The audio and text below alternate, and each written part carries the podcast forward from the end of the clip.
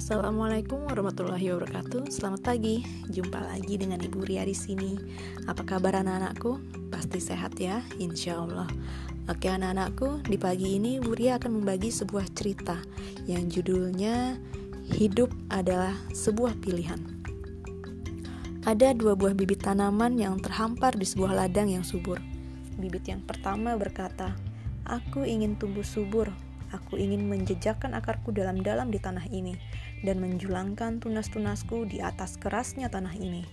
Aku ingin membentangkan semua tunasku untuk menyampaikan salam musim semi. Aku ingin merasakan kehangatan matahari dan kelembutan embun pagi di pucuk-pucuk daunku. Dan bibit itu tumbuh makin menjulang. Bibit yang kedua bergumam, Aku takut jika kutanamkan akarku ke dalam tanah ini, Aku tak tahu apa yang akan kutemui di bawah sana. Bukankah di sana sangat gelap? Dan jika kuteroboskan tunasku ke atas, bukankah nanti keindahan tunas-tunasku akan hilang? Tunasku ini pasti akan terkoyak.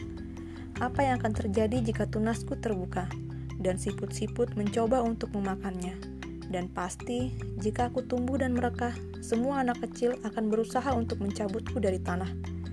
Tidak, akan lebih baik jika aku menunggu sampai semuanya aman. Dan bibit itu pun menunggu dalam kesendirian. Beberapa pekan kemudian, seekor ayam mengais tanah tadi. Ayam tersebut menemukan bibit yang kedua tadi, lalu memakannya segera. Nah, dari cerita tersebut, kita bisa mengambil sebuah pelajaran. Hidup adalah pilihan. Saat ini, kita dihadapi dengan pandemi. Kita tidak bertemu tatap muka secara langsung, tapi kita bertemu dengan cara virtual seperti ini. Memang kita tidak bertatap wajah langsung, tapi hati kita pasti tetap saling menyatu. Yuk anak-anakku, dengan keadaan seperti ini, banyak hal-hal baru yang harus kita pelajari. Banyak hal-hal baru yang harus kita dalami. Makanya, semangat, semangat, dan semangat. Begitu ya anak-anakku, karena hidup adalah pilihan maka hadapilah itu dengan gagah berani. Dan karena hidup adalah pilihan, maka pilihlah dengan bijak. Selamat belajar anak-anakku.